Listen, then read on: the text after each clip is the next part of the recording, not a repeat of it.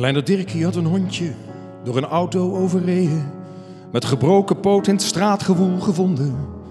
Met twee houtjes en een stukje van een oude gonjezak. Had hij het pootje eerst gespalkt en toen verbonden. Daarna had hij het dier heel zacht opgepakt en thuisgebracht. En vervuld van stille angst en diepe zorgen. Zij die mormel had toch uitgekeken voor je overstak. En het voorzichtig in een zolderhoek geborgen. Als hij boterhammen kreeg, verborg hij iedere keer een stukje voor zijn zieke kameraad onder zijn kieltje. En dan sloop hij op zijn tenen met een koppie zonder oor naar de zolder en zei: Vrijt naar Marslemieltje. Ik keek hem nou en dan met zijn koppie scheve zang. De filantropie kon het beestje niet verwerken. Toen hij op een keer wou blaffen, siste Dirkie: Houd je bek. Je legt zo uit je pensioen als ze het merken.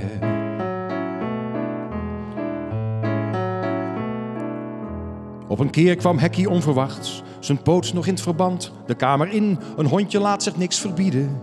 Moeder zei, nou is de boot aan, kijk me dat scharminkel aan. Het lijkt waarachtig wel de Joodse invalide.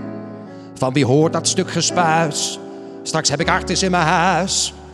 Dirkie stamelde, hij kon het nauwelijks zeggen. Toen hij onder een auto leed, dacht ik, ik neem hem even mee. Anders hadden ze hem zomaar laten leggen. Als hij binnen het uur mijn huis niet uit is, gaat hij in de plomp, verklaarde ma. Dat is niks voor mij, die nare krengen.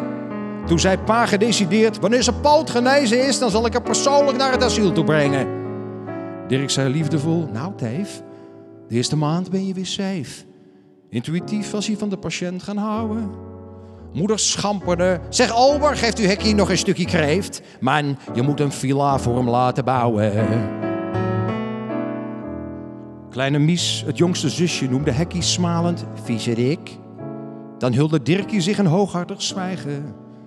Soms werd het hem al te machtig en dan kreet hij: Treiterkop, wat is vies, kijk jij maar liever naar je eigen. Eens beekt Hek in Miesjes pop. Het meisje gaf het beest een schop. Dirk vloog op en loeide: Valse salamander!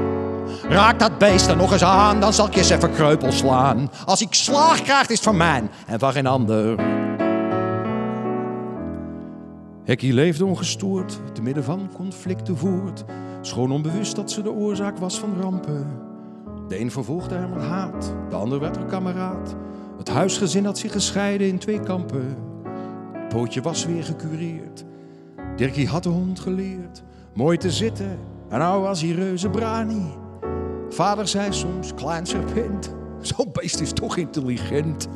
Ja, zei moeder, ga ermee naar Sarasani.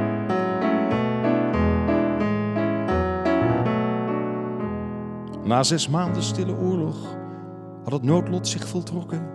Hekkie had iets raars gedaan in moeders kamer. Bertus, het oudste broertje, zag en riep... Kijk eens wat een zwijn op de trappenstoelen moe. Hij greep een hamer. Wierp die Hekkie naar zijn kop.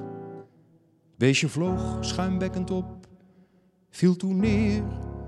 Op dat moment kwam Dirkie binnen. Bleef als vastgenageld staan. Keek lijkwit zijn broertje aan. Niemand wist toen wat met Dirkie te beginnen. Zacht al was het een kostbaar kleinood, heeft toen Dirk het verstarde beest naar zijn hoekje op de zolder meegenomen. S'avonds in het donker groef hij in het Vondelpark een kuil, in een eenzaam laantje onder iepenbomen.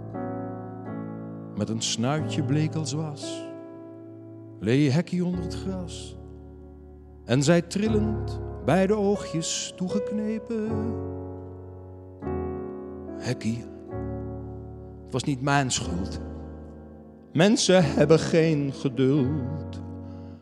Arm dier, ze hebben jou thuis nooit begrepen.